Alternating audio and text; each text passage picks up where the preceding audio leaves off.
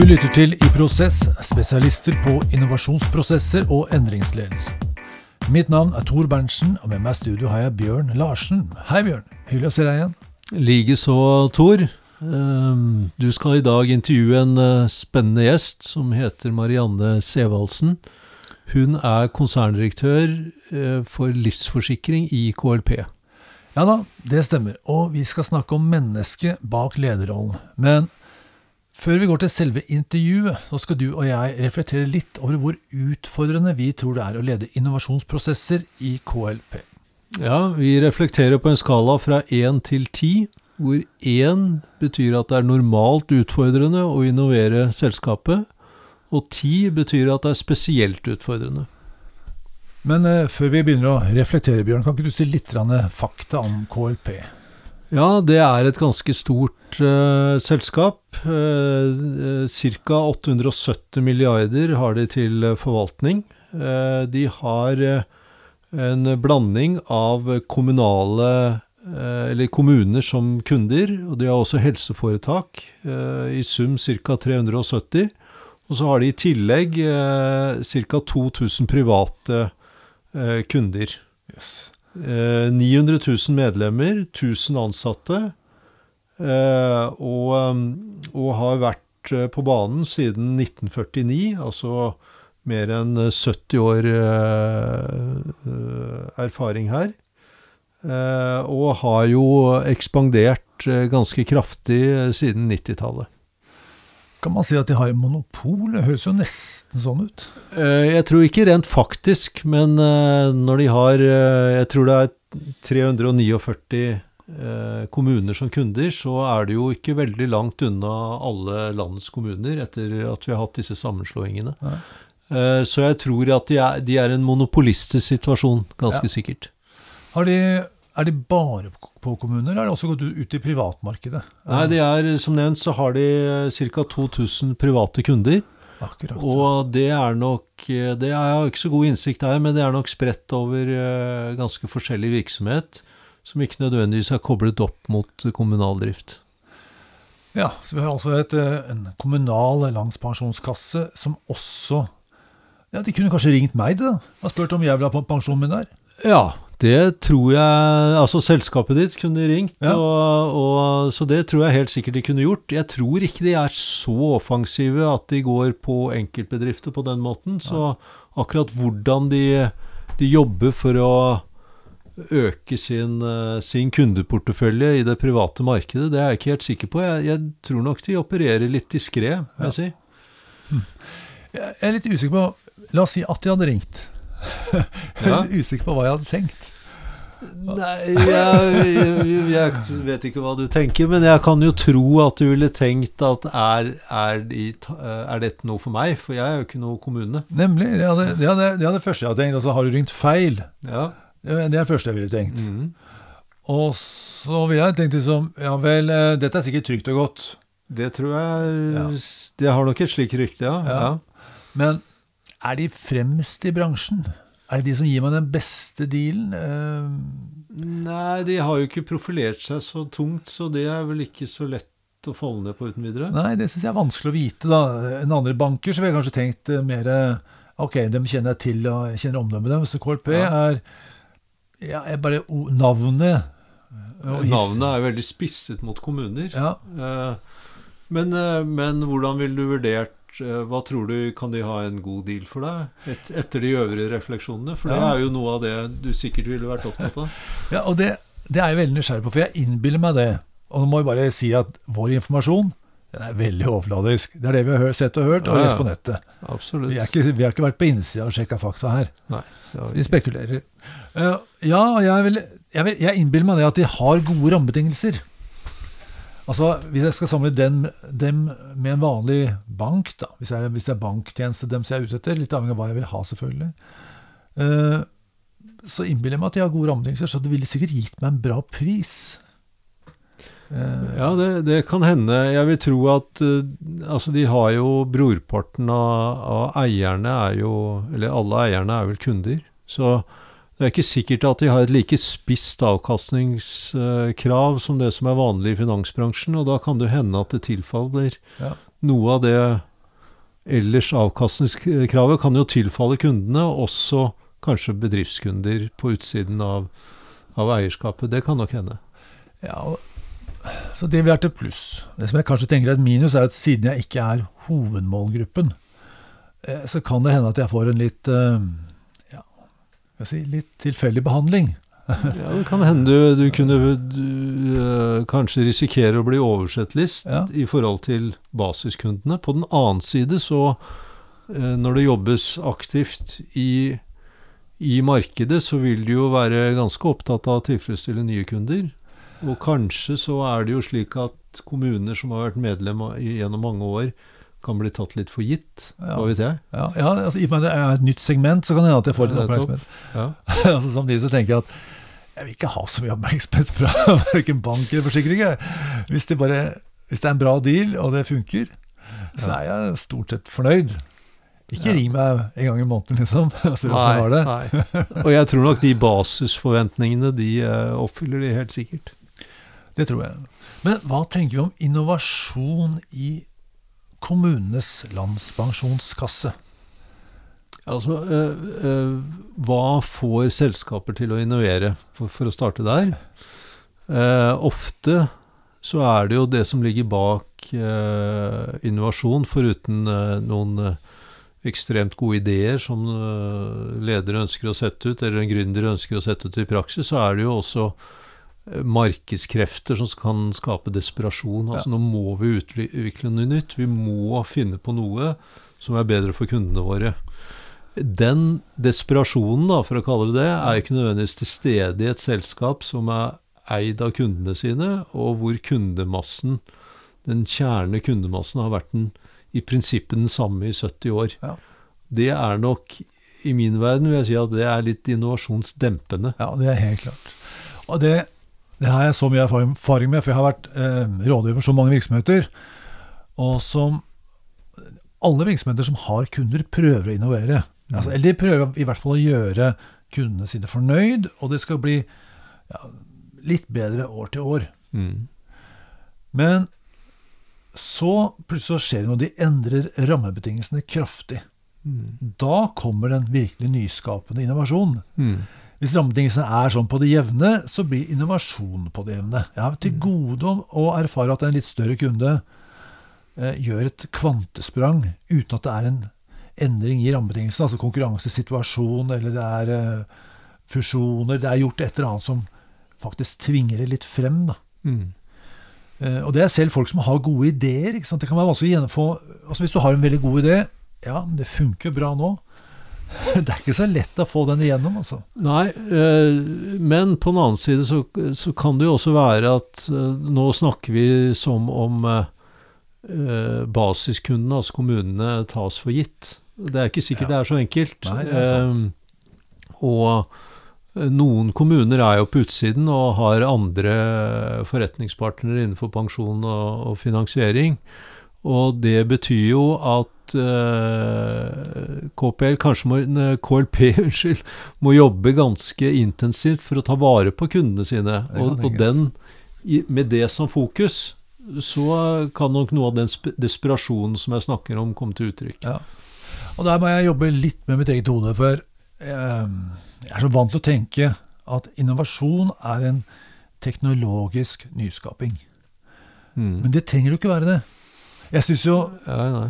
Altså Det kan jo godt være en ny verdikjede, eller en ny måte å, å ta vare på kundene på. Altså, Vi så litt på sidene, så var det sånn De hadde såkorn, eh, som var en, en pris de ga ut. Ja. Eh, De investerer i kommunene. Altså de investerer De som er medlemmer, får også gunstig lån og, og investeringer som utvikler kommunen.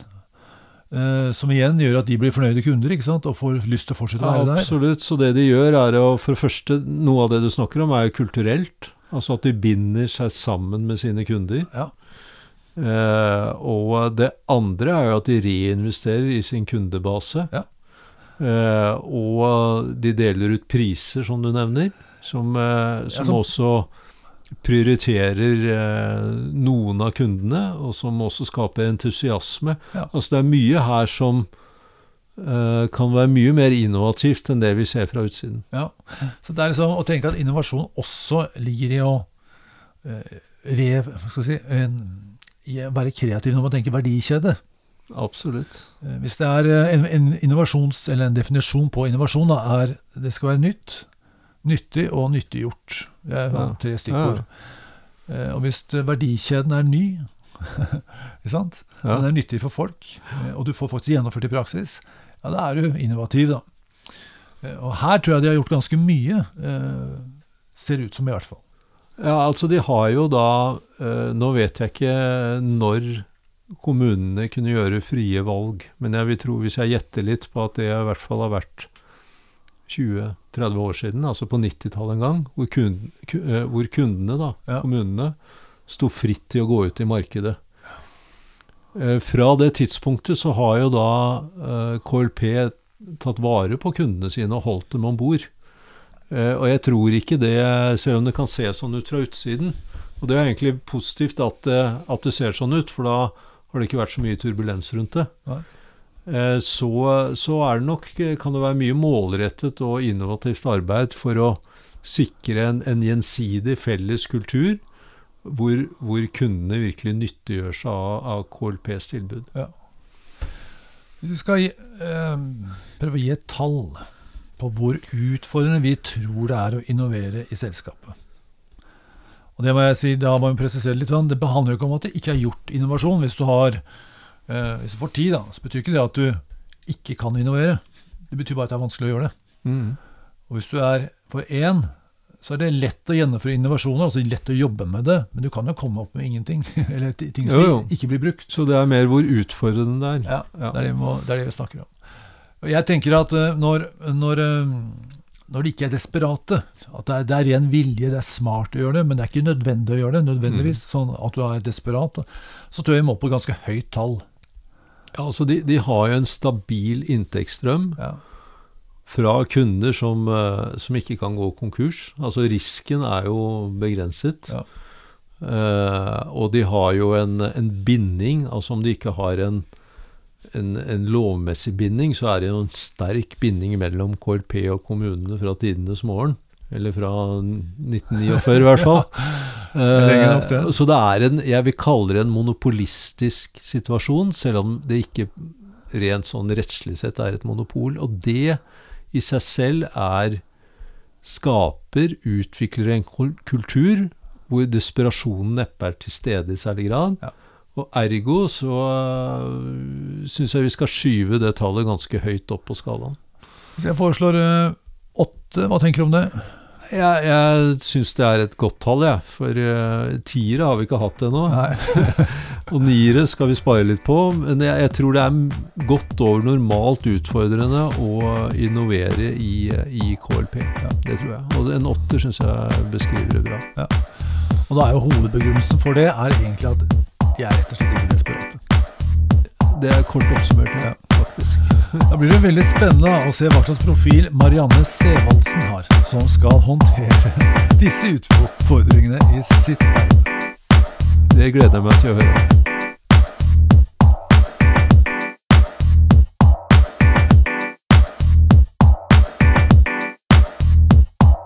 Du lytter til I Prosess, spesialister på innovasjonsprosesser og endringsledelse. I dag skal vi snakke med Marianne Sevaldsen, konserndirektør i KLP. Velkommen, Marianne. Tusen takk, Tor. Bjørn og jeg har jo hatt en liten innledning om hvor krevende vi tror det er å innovere i KLP. Og vi ga dere tallet åtte. Litt fordi vi tror at det er eh, hva skal jeg si, kanskje litt liten grad av desperasjon er vår gjetning. Mm. Hva tenker du om dette? Er vi inne på noe, eller bommer vi helt fullstendig? Nei, jeg tror at dere er inne på noen ting. Eh, Det er jo gjenkjennbart, eh, de refleksjonene dere gjør dere rundt eh, innovasjon som sådan i, i eh, vårt selskap. Og så tror jeg at det er eh, litt sånn sammensatt. Eh, Det er kanskje et resultat av at vi også har et kjerneprodukt, en hovedleveranse, som ikke er å innovere på for oss. Da. Vi Mm. leverer på et tariffesta produkt, eh, og det er på en måte andre som fastsetter det. Og så syns jeg det var spennende de refleksjonene som dere gjør dere rundt liksom, hva, vi, hva vi omtaler som innovasjon. Da. Hva det kan alternativt være i forhold til produktutvikling f.eks. Så hvis vi snakker om å utvikle prosesser, automatisere, effektivisere, gjøre tjenestene bedre for våre kunder osv., så, videre, og så, videre, så er vi absolutt innovative som sådan. Ja. For vi er veldig opptatt av utvikling og endring, og tilpasser oss selvfølgelig det som er rammebetingelsene våre. Ja. Men vi ligger nok ikke foran til å radikalt endre på forretningsmodeller og produkter og den type ting, nei. Nei. Og vår refleksjon handler jo ikke om hvor mye dere har fått til. Den sier bare om hvor vanskelig vi tror det er. Og man kan jo få til masse selv om det er krevende. Eh, hva tenker du om det? Er det, er det krevende å få altså Hvis man har en god idé til noe, vil du tenke deg at kulturen er litt sånn eh, at nei, vi trenger ikke å gjøre det? Eller vil du tenke at motsatt at vet du hva, her er det virkelig behov for noe, så har du en god idé, så vil vi gjerne satse på det. Åssen er det Ja, jeg tror du ikke har rett i at desperasjonsnivået er relativt lavt. Ja. Vi har levert veldig godt over lang tid, og har en veldig fast og stor kundeportefølje.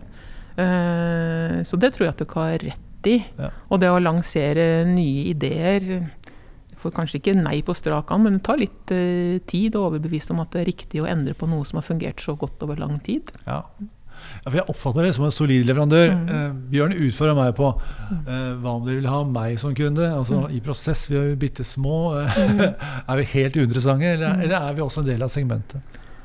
Du er jo ikke primærmålgruppen vår, i hvert fall på pensjonsområdet. For vi har jo kun ett pensjonsprodukt, og det er offentlig tjenestepensjon. Ja, Eh. Så der vil ikke det være aktuelt for deg eller i prosess. Nei. Eh, Men så har vi jo da rene privatkunder på, i døtrene våre, på bank og skade Ja. f.eks. Eller på eh, fondsplasseringer og ja, likviditet og overskudd. Altså, det er masse muligheter også for, for deg her, Tor. Mm. Ja, jeg skjønner.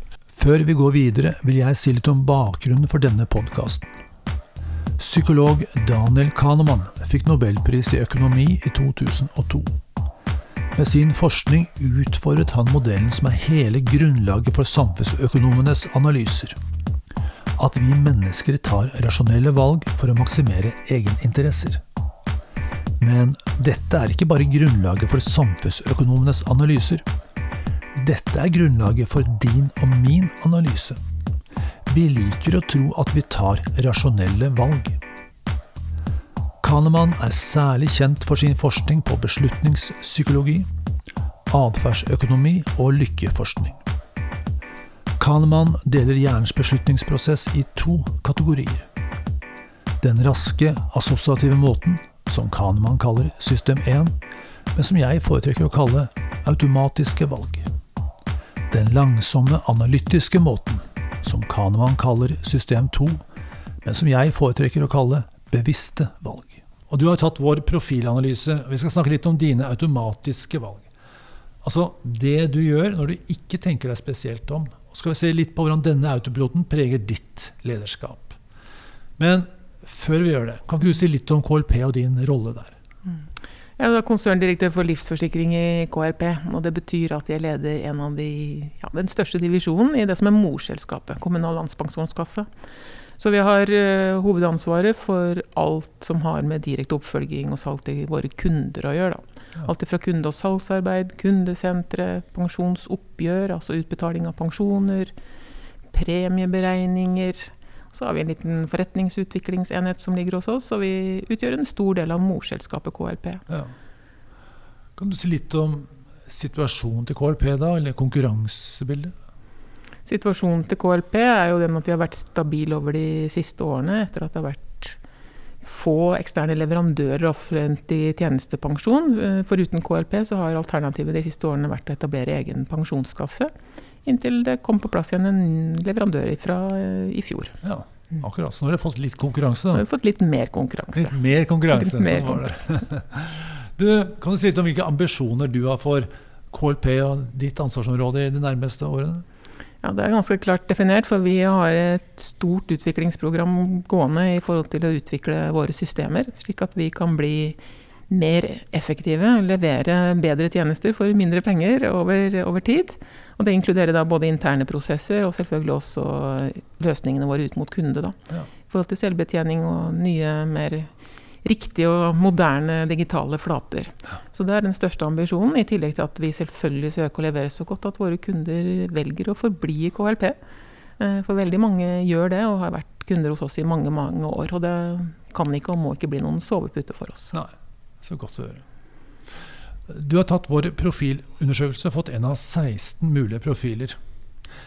Eh, og nå er jeg litt nysgjerrig på hvordan dine preferanser, eller la oss kalle det styrker, kan bidra til å skape den fremtiden du ønsker. Og da vil jeg gjerne starte med en utdrag fra profilbeskrivelsen, for å se om du kjenner deg igjen. da. Din type stiller store krav til både seg selv og andre når det gjelder ansvarlighet, innsats, ryddighet og struktur. Og når man virkelig blir kjent med dem, kan man finne at de bak fasaden har tanker som er både personlige og dypt forankret. Men i sosialt samspill fremstår de ofte som nøytrale og reserverte. Hva tenker du om det? Er dette en rimelig beskrivelse av Marianne Sevaldsen? Ja, jeg tror dette er en rimelig beskrivelse av eh, meg. Mm, både ut ifra hvordan jeg opplever meg sjøl, og tilbakemeldinger jeg får. Ja. Jeg går nok for å være relativt nøytral og reservert, og er ikke den som prater høyest og mest om meg og mitt eh, når vi samles. Det er nok mer på å stille spørsmål og lytte til folk rundt meg. ja. Mm. Mens når du kommer i dybden, så er det mye mer, mye mer som skjer. Ja, jeg tror du vil få en helt annen beskrivelse av meg hvis du snakker med mine nærmeste, både familie og venner, enn Ja. du gjør om du treffer de fleste av mine kollegaer, da. Ja, ja, Mm. ikke sant. Du har fått um, profilen ISTJ. Vi så nettopp på en liten oversikt, Mm. og dette var eh, den mest vanlige profilen for menn. Mm. Det er jo ikke uvanlig for kvinner heller. Men, men det var 19% av mennene på verdens befolkning som har fått den, og 7 av, eh, av kvinner. Mm. Så um, hvor, hvor godt kjenner du deg igjen i profilen, sånn generelt sett? Var det Traff vi greit, eller? Jeg tror du traff eh, relativt greit på, på det meste. Absolutt uh, gjenkjennbart. Og så må man jo kunne diskutere da, hvor mye som er eh, ja, medfødt, og hva som er tillært gjennom et etter hvert eh, ja, litt lengre liv og mye erfaring. Ja. Så det har sikkert forsterka seg og endra seg litt da, underveis, noen av disse tingene. Men absolutt uh, gjenkjennbart. Jeg ville vært overraska om det var veldig tydelig i andre retninger på den rene oversikten. Men det er jo en profil som ikke er sånn supervanlig. Altså Mm. Er det 100 stykker i et rom av, Mm. av kvinner, da, for å si det Mm. sånn, så er det syv, syv av de 100 som har samme profil. De Mm. andre har en helt annen profil. Mm. Er det, er det opplagt for deg at det er sånn det er, eller er det litt sånn nytt? Hva, hva tenker du om det? Nei, det er absolutt ikke opplagt. Eh, En av de tingene som jeg kanskje har eh, lært og registrert opp gjennom årene, at vi er jo ikke så spesielle som vi liker å tro. eh, Verken som personer eller som bedrifter. Eh, I hvert fall som leder så erfarer du at det er relativt stor likhet mellom problemstillinger i enhver bedrift, i større sant, eller mindre grad. Så det var jo litt sånn litt overraskende. Ja. Så det kan jo være spennende å forske litt mer i, ja, hvordan den der eh, 7 virker sammen med andre. Ja, ja. Men jeg liker det sånn påstand på Jeg liker påstand eh, på seg selv kjenner man ikke andre. Nei, absolutt ikke. Eh, og min profil er enda mindre vanlig, Mm. så da må jeg virkelig skjerpe meg. Mm. Men vi ser, Den første dimensjonen handler om hvor vi henter energi fra og fornyer den. Det kalles ofte energidimensjonen, og det er eh, mental energi vi snakker om. Mm. Og Da er det to ytterpunkter. Det ene er ekstroversjon E og introversjon I. Og eh, ene de får jo energi av å være i interaksjon med andre og være helst i dialog. da. Mm. Eh, Mens eh, introversjon, de som er i-er, de trives best når de kan de får energi av tankene sine. Mm. Det har egentlig ikke noe med sosiale og usosiale å gjøre, for du kan godt være tankefull sammen med andre Mm. og reflektert. Men eh, det preger litt av måten man er på, da, selvfølgelig. Mm. Og du er svakt introvert. Er det, er det noe du kjenner deg igjen i, og hvordan preger det ditt lederskap? Ja, absolutt kjenner meg igjen i det. Jeg har eh, ja, kanskje forventa at den kunne være enda sterkere eller er der. Jeg tror jeg er eh, sterk på det introverte. Trives godt i mitt eget selskap og med mine egne tanker. og Uten at det nødvendigvis eh, gjør at du er usosial, ja. Men jeg kan trives veldig godt alene over lang tid. Ja. Eh, og trenger det absolutt for å få påfyll av energi, så det er noe jeg er bevisst på hele tida. I forhold til lederskap så tenker jeg at eh, preger meg først og fremst ved at jeg ikke er kanskje den som oppsøker mest kaffebarer og henge rundt i gangene og prate veldig. Jeg tar heller ikke veldig lett og ofte ordet i forsamlinger. Sitter gjerne kanskje og lytter og observerer mer enn jeg snakker. Ja. Så det er vel den umiddelbare måten jeg tenker at preger meg som leder, da, Ja. i forhold til introversjon. Det er jo blitt veldig populært skal man si, å lese stillingen ledige-annonser og sånne ting, både på medarbeidere og ledere, og søke til ekstroverte folk. Mm. Hva, hva, tenker du er styrken ved introversjon? Ja, nettopp noe av det jeg sa i forhold til å lene seg tilbake og lytte og observere og ja. lære, mer enn at du tar plass sjøl. Ja. Det tenker jeg kan komme godt med for mange, ikke bare ledere, men også andre. Uh, pleier å si, Vi har jo fått to ører og én munn, eh, og det er jo greit å være oppmerksom på det i mange situasjoner. Ja. Det er mye flinke folk som det er eh, verdt å lytte til, da. Ja, Så da kan du kanskje bruke litt mer tid på nettopp det. Lytt og lær. Ja, bra. Jeg, jeg tenker sånn at uh, det er ikke mangel på informasjon i vårt samfunn. Det er så mye at det, er, det problemet er å sortere det, mm. mer enn å få informasjon. Mm. Så det at uh, ledere som er gode på å lytte, og som kan gi oss den informasjonen vi trenger, på en slik måte som gjør at vi forstår det, som skjønner individet, mm. det tror jeg kan være en, en, veldig styrke. Absolutt, det tror jeg kan være en styrke. Og så er det jo samtidig som det er som du sier, at det er veldig mye informasjon. Informasjonsflyten er jo stor, ja. Eh, og det er masse. Så er det noe med å, å evne å levere det som trengs. Da, for det skrikes jo alltid også etter mer informasjon, tror jeg, i enhver bedrift. Men det er kanskje at vi ikke helt evner å treffe. Eh, og at det blir for mye og vanskelig å sortere da, i mengden. Ja. Så eh, gode refleksjoner, det. Hvordan vi skal kunne klare å tilpasse oss den utfordringen. Ja, jeg er helt enig. Jeg tror ikke det er mengden som egentlig er behovet. Jeg tror vi, vi ønsker å ha den presise informasjonen som gjør at vi mm. får sjelefred eller ro, eller får den, mm. de, de svarene vi trenger. Da. Uh, dette med ledelse og introversjon, det har jo Ekstroverte ledere har hatt en tendens til, eller har en tendens til, eller ikke bare ledere, alle mennesker Ekstroverte mennesker har en tendens til å tro at eh, hvis du er engasjert, så sier du noe. Mm. Hvis du er uengasjert, så er det stille. Mm. Hva tenker du om den påstanden?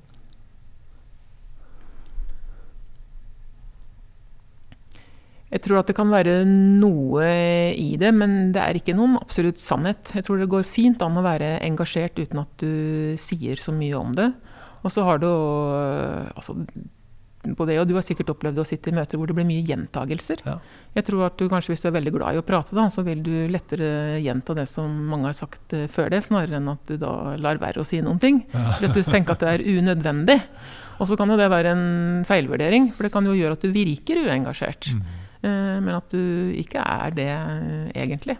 Så kanskje vi må være litt mer bevisste på det, da, for ja. å gi de rette signalene til ekstroverte som forventer et uh, betydelig større proaktivt eller uttalt engasjement da, i en del saker.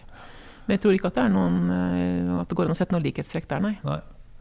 Jeg har noen introverte som har sagt til meg at uh, de pleier å tenke igjennom resonnementet før de sier det. Mm. Der er det en viss sortering. Mm. Og de syns det noen ganger er pinlig å høre på ekstroverte som tenker høyt mm. samtidig. Det er liksom ikke noe filter. Mm.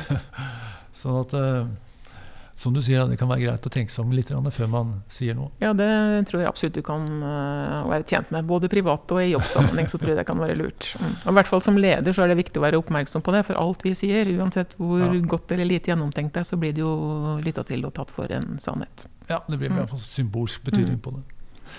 Den neste dimensjonen når vi har fått energi, så skal vi da hente informasjon og bruke, bruke, energien til noe. Mm. Så Den kalles opplevelsesdimensjon, altså hvordan vi oppfatter informasjon. Og der, Ytterpunkten der er S for sansing, som handler om Alle mennesker sanser jo, så det er ikke noe spesielt, det. Men de som sanser, de, eh, de har en tendens til å være opptatt av fakta, her og nå, historien, det som har skjedd frem til nå. Mm. Eh, mens de som har N i sin profil, de er mer opptatt av hva vi kan bruke denne innsikten til. Altså bruksverdien. Mm. De vil helst slippe å dykke ned i fakta før de må. da. Mm. Så N-ene er mer sånn frem, fremtidsrettet og mulighetsrettet, men S-ene er mer ja, fakta her og nå-rettet. Og du har en veldig, veldig svak S. Eh, nesten midt på treet, kan man si. Mm. Eh, hvordan kjenner du deg igjen i det? Jo, det kan jeg også kjenne meg igjen i. Jeg er jo ikke noen person som tar så mye store sjanser. Jeg liker å føle at jeg vet hva jeg gjør. Da. Ja. Analysere og begrunne beslutninger og handlinger på fakta og analyse. At det er gjennomtenkt. ikke sant? Det henger litt med det forrige vi, vi snakka om også. Ja. Eh, så litt sånn kalkulert og kontrollert eh, risiko, kanskje. Ja. Mm. er nok der. Nå er dette en svak profil, og eh, siden det er nesten midt på treet, da, så er det altså Hvis man er eh, 20 år gammel Mm. og har en profil som ser akkurat slik ut, så ville min tolkning vært at da er man ikke sikker på hva man foretrekker. Og det er egentlig ikke noe styrke, for det, det kan være ganske slitsomt å ha mye av det. Mm. Mens med litt livserfaring så vil jeg tenke motsatt. Da har den sannsynligvis vært tydeligere før. Mm. Eh, og så har den da blitt mindre og mindre fordi du har etter et langt liv lært å håndtere enden også. Mm. Hvordan stemmer det med deg? Er det, er det riktig at du har det på den måten? At du har eh, vært en endring der, en utvikling? Ja, det tror jeg at det har vært. Nå har jeg jobba i bank og finans i mange, mange år. Og til tross for at jeg er utdanna jurist, så har jeg blitt- mer og mer glad i tall og analyser og fakta, tror jeg. Ja. Og, og eh, ikke for det, jurister er også opptatt av fakta eh, og lover og regler. Så det har nok forsterka seg det ja, opp gjennom eh, årene. Eh, og så mm, Intuisjon, eh, hva er det? Det betyr jo ikke at du ikke på en måte kjenner etter eh, og liker å kjenne på hva som totalt sett oppleves rett og galt. For sånn er jo jeg òg. Men at jeg har blitt mer glad i å bryte ned tall og analyser, det tror jeg er riktig. Og se hva du kan bruke de til. Ja, Ja. og ha gode beslutningsgrunnlag da, for Ja. det vi skal gjøre, tror jeg er viktig og riktig. Og det liker jeg også privat. Ja, For du tenker sånn at, eh, hvis jeg tolker det riktig, at du er, du er grundig på å analysere her og nå-situasjonen slik at for, å ta grunn- for å ta riktig valg for framtiden. Ja, jeg Ja. liker å ha det når vi skal ta eh, viktige avgjørelser og beslutninger om, eh, i saker eller investeringer eller sånt noe, så syns jeg det er fint å ha et grundig og godt beslutningsgrunnlag. Så det er ikke mye magefølelse, og jeg føler at vi skal gå den veien der, men det er ikke helt sikkert. jeg tenker at det kommer litt sånn i tillegg. For Ja. hvis du liksom har bare de der beslutningsgrunnlagene men du kjenner inni at dette her føles ikke riktig likevel, Nei, sånn, så vil nok jeg velge å heller ta en eh, runde til. Ja. Mhm. Det er godt. Ja. Ja, for det bringer oss over til neste dimensjon, som er avgjørelsesdimensjonen. Mm. Og den uh, går mellom T og F. Og T, det er eh, logisk rasjonell, altså en tenkning på logisk rasjonell. Hvor eh, beslutningen nærmest er som du sier, at det er, vi samler sammen fakta, gjør en logisk analyse, og så kommer svaret frem nærmest Mm. som et resultat av det. Eh, og er man veldig klar på T-en sin, så er det ikke noen andre måter å gjøre det på. Men eh, jo, det er det. F-ene har en tendens til å heller kjenne etter hva som er riktig. De, de, de tar nok valget kommer raskt, for de føles riktig, men de kan ikke begrunne på samme måten. For det emosjonelle er en rask måte å hente ut en beslutning fra, fra veldig sammensatte detaljer. Så den F, som ofte kalles emosjonell rasjonell, den eh, blir man ofte flinke til med årene, men som er vanskelig å forklare. Du er eh, en moderat T. Er det slik du vil beskrive deg selv også? Ja, det tror jeg er riktig. Ja. Jeg går nok for å være ganske rasjonell, men eh, har også følelser som vi var inne på eh, forrige runde. Ja. Så det er en beskrivelse som jeg kan eh, kjenne meg igjen i. Jeg har erfart det at fram til for, for ti år siden, kanskje, så var den T-en helt klart den eneste måten å ta beslutninger på i næringslivet. Den dominerte veldig. Ettersom eh, utviklingen går raskere, og det gründertanken og nyskapning, behov for nyskapning har økt, så har jeg fått inntrykk av at eh, nei, det er flere som tenker at den eh, F-en også er interessant. For T-en vil jo gjerne ha et business case. ikke sant? Legge fram fakta og få et business case, og så kan vi vurdere om dette er smart eller ikke smart. Mm. Mens hvis du kan det, så er du jo ofte seint ute. Da er du ikke fremst liksom, i linja. Det bør ikke alltid være det, men, men jeg tenker at den F-en kanskje har blitt mer og mer akseptert. Da. Hva, tenker, hva tenker du? Det tror jeg er helt riktig, og jeg tror at vi må akseptere den i større grad også. For det er jo det vi snakker om som kundeopplevelsen. Altså Hva er det vi skaper av følelser hos mottaker eller kunde eller kollegaer, det er jo veldig avgjørende eh, ofte for de valgene som blir tatt. Ja. Så det hjelper jo ikke hvor rasjonelle vi ønsker å være, hvis det, på en måte, det virker på en annen måte ute i markedet eller blant våre kollegaer heller, for den sakens skyld. Så du må jo liksom begrense rasjonaliteten din da, og ta hensyn til eh, de følelsene som det skaper. Ja. Og mm, hvis du er da én av sju blant hundre, så skjønner du at folk tenker og føler annerledes enn det sjøl. Så det er viktig å være bevisst på det, altså. Ja. Mm. Ja, jeg er jo også en klar og tydelig T. Men jeg tar jo klart emosjonelle valg. Mm. Eh, Jeg kjøpte meg bil for ikke så altfor lenge siden. Mm. Og det jeg må, Skal jeg være dønn ærlig, det liker jeg ikke å være alltid, men, eh, men den var en ren emosjonell valg. Det er en kul bil, rett og Mm. slett. Og så kan jeg spørre hvorfor kjøpte du den? Jo, da kan jeg snakke om pris og kvalitet og greiene der, men ja, hvis jeg ikke hadde syntes den var kul, så hadde jeg ikke kjøpt den. Nei. Det fant jeg på etterpå. Ja. Hva med deg? Tar du noen ganger emosjonelle valg, du også? Eller åssen er det? Ja, det kan nok sikkert uh, skje, men jeg er nok uh, i all hovedsak ganske fornuftig når det kommer til uh, hva jeg kjøper og velger også. Ja. Eh, jeg liker å tenke i hvert fall at det er en sammenheng mellom pris og kvalitet eh, på de valgene jeg tar. Og så er det jo slik at vi eh, har jo hang til liksom kanskje forskjellige ting i samfunnet. Du prioriterte bil, det kan jeg også like, hva jeg syns er en fin og, eller kul, kul bil. Ja, Eh, og så er det andre ting jeg ikke er villig til å bruke penger på, f.eks. Så det er jo litt med det å gjøre òg. ja, ja. Mannen min eksempel, kan jo være tilbøyelig til å bruke mye mer penger på skiutstyr og skismøring enn jeg noen gang ville tenke tanken på var, eh, var riktig og verdifullt. Så det har jo litt med det å gjøre òg. ja, det er klart. Mm, men jeg liker å føle at uh, value for the money. Men det er så vanskelig å vite det med så Kan man si at vi tar emosjonelle valg? Mm. Altså, Jeg liker å være rasjonell, altså jeg liker, men hva er forskjellen på etterrasjonalisering Mm. og at det er faktisk en rasjonell begrunnelse for valget? Mm. Hva kom først, liksom? Det syns jeg kan være vanskelig å vite noen ganger. Det kan være vanskelig å vite noen ganger, og kanskje er det sånn at vi forandrer oss litt over tid der òg. For jeg tenker jo tilbake og ser klart for meg situasjoner hvor jeg har latt følelsene mine styre. Og da har jeg brukt ganske mye tid etterpå for å gjøre det valget relativt rasjonelt. F.eks. overbevise om god kvalitet, da. Ja, ja, ja. Mm. Den siste dimensjonen kalles ofte livsstilsdimensjonen, som handler om hvordan vi foretrekker å innrette oss i livet. Det er et veldig svært perspektiv, så jeg gjerne gjør det litt mindre. Eh, Det handler mye mer om eh, organisering, altså eh, struktur versus fleksibilitet, f.eks. Altså, J-ene de liker ordning og rede, de liker å ta beslutninger, vil gjerne lage planer og følge planen. Og De ser på et avvik fra en plan som et slags nederlag. De, de skulle ønske de kunne fulgt den, liksom. Mens P-ene de er helt motsatt. De lager planer, de også, men de er bevisst litt rause. Det er helst bare en deadline og kanskje noen få milepæler. For de liker fleksibiliteten. Se på den fleksibiliteten som J-en ser på som en svakhet, det ser P-en på som en styrke. Da kan de tilpasse seg mer til situasjonen og, og være litt mer smidige, da, som P-ene ville sagt. Du er en eh, moderat J. Mm. Er det slik du kjenner deg selv? Ja, om den er moderat eller om den er sterk, det skal ikke jeg uttale meg om. Men ja, jeg er et strukturert, planmessig menneske. Så jeg Ja. liker å ha planer, og jeg er handlingsorientert og følger liksom de planene jeg setter meg. Og liker å forholde meg til tidsfrister og struktur. absolutt. Og så har jo jeg jo skjønt at det er ikke nødvendigvis like riktig i alle sammenhenger. Så har jeg jo måttet ha lært meg å forholde meg og tilpasse meg det.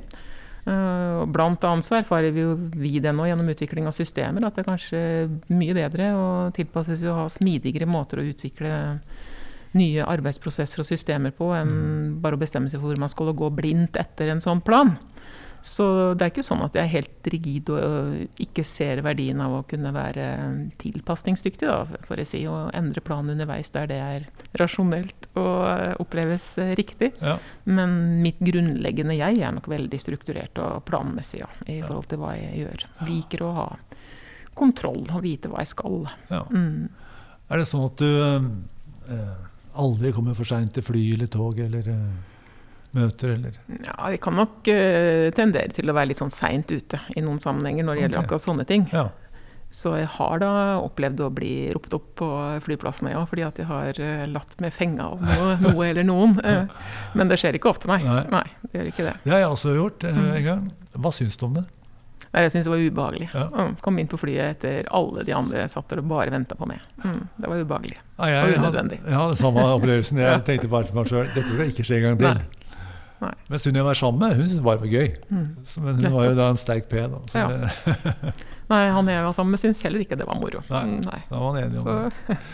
Men en, en, en J som er leder, hvordan kan det prege lederskapet, tenker du? Sånn, i, altså, I kontrast til en P, kanskje? jeg tenker jo at det vil være avhengig av eh, hvordan sammensetningen av andre medarbeidere rundt deg er, da. For jeg tenker jo også at sterke P-er kan ha nytte av å ha noen som holder litt i trådene, eh, og samler eh, og legger planer og, og struktur. Eh, Så jeg tror jo at balanse er fint, det, da. Ja. Mm. Men at en, også en leder som er en sterk P, kan ha glede av å ha medarbeidere som kanskje er mer strukturerte og har eh, planer og analyser klare da, i forhold til uh, framdrift f.eks. i prosjekter eller leveranser, hva det måtte være. Ja. Så balanse. Balanse. Mm. Og det er jo kanskje viktig da at eh, man som leder har selvinnsikt nok da, til å være oppmerksom på hva du med fordel kan uh, finne mer av hos andre enn det du byr på sjøl.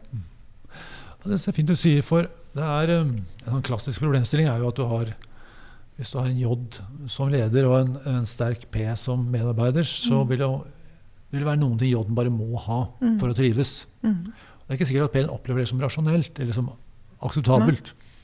Uh, men samtidig så er det jo P-en trenger også en viss grad av frihet for å trives. Eller, sant? Mm. Og den dynamikken der det er en slags eh, gjensidig forståelse og balansegang da, Mm. som jeg tror er veldig viktig å opprettholde Mm. uh, i sånne situasjoner. For, Mm. Og Det er derfor jeg også liker sånne systemer som gir oss et språk for det. For det er så lett å tenke at eh, selvfølgelig må du ha orden på alt, og må følge planen sånn som den er laget. Mm. Eh, og Hvis du snakker med en annen J, så er svaret ja. Mm. Men snakker du med en P, så, så kan svaret være ja, men ikke så rigid som du tenker. Mm. Og det er jo en utfordrende situasjon, eller kan være en utfordrende situasjon. Det kan absolutt være en utfordrende situasjon, men da er jo noe av clouet der å ha så åpen og god dialog. Da. Ja. Hvis du har eh, selvinnsikt nok som vi er nede på, trygge på hverandre i forhold til ja. den relasjonen du har, så kan man utveksle forventninger og styre det litt sånn der bedre. Hvis jeg er kjent med hvordan du trenger å ha det for å virke best i din rolle, og motsatt, så vil det antageligvis være mye lettere å leve med, også i jobbsituasjonen. Ja, det tenker jeg. Jeg synes, du sa jo helt i starten at eh, det å være god til å lytte, Mm. så er selvinnsikt en kombinasjon av de to er jo selvfølgelig løsningen på det. Mm. Som jeg tror er veldig, veldig viktig. Du, eh, jeg eh, er litt sånn opptatt av dynamikken i samfunnet om dagen. Det det er mye som skjer, det er mange som er opptatt. Uh, og det er lett å gå i automatisk modus. At vi bare Mm. jager fra det ene til det andre. Og da er det jo som Kahneman sier, da er vi i hvert fall emosjonelle. Mm. Du er ikke veldig rasjonell mens du løper til bussen. Eh, da er det bare én ting det handler om, det er å rekke bussen. Mm. Så eh, hva gjør du i ditt lederskap, eller ditt liv, om du vil, eh, for å unngå denne automatiske modus og roe litt ned og ta kloke, bevisste valg? Jeg kommer tilbake til den der strukturen, da. Ja. At jeg er også bevisst på å planlegge dagene mine, og liker ikke hvis det blir for mye som går inn og prøver å ta fra meg styring over egen tid. Eh, Men det skjer jo av og til, selvfølgelig, og det må man tilpasse seg. Men jeg er eh, relativt strukturert i forhold til å legge planer langt fram. eh, Noe som gir meg litt sånn ro i hverdagen. Ja. Og passe på å få tid til enten du trenger å samtale med noen om noe som oppleves utfordrende eller vanskelig, eller rett og slett bare å ta de der tankespinnene gjennom en tur ute i marka, i skogen eller på stranda eller hvor det, hvor det måtte være. Eh, For det er mye som løser seg, for meg i hvert fall, da. Ja. Ved å få de der turene og la ting falle på plass. Og så har jeg blitt flinkere etter hvert som jeg har blitt voksen, og det kan hende med alder å gjøre, og det å notere underveis som jeg kommer på ting, og kan plukke opp igjen ting og dvele ved det Ja. på et senere tidspunkt. Så jeg tror jeg er ganske flink til å ta med de der frirommene. ja, det tror jeg er kjempeviktig. Mm. Si nei til mye og ja til lite, hvis det er mulig. Ja, og som introvert så er ikke det så veldig vanskelig heller, vet du, for du trenger de der pausene for deg sjøl for å Ja. hente deg inn igjen og få energi. Ja, det, Så det er jeg bevisst på. ja, og det er godt å høre. Mm. Da sier jeg tusen takk for samtalen. I like måte.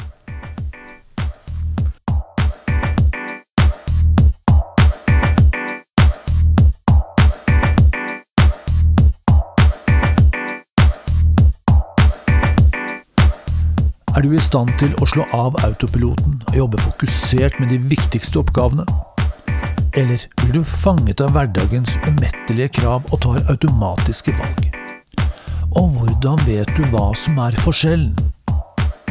Stikk innom iprosess.no og se hvordan vi kan hjelpe deg med å implementere strategien på rekordtid.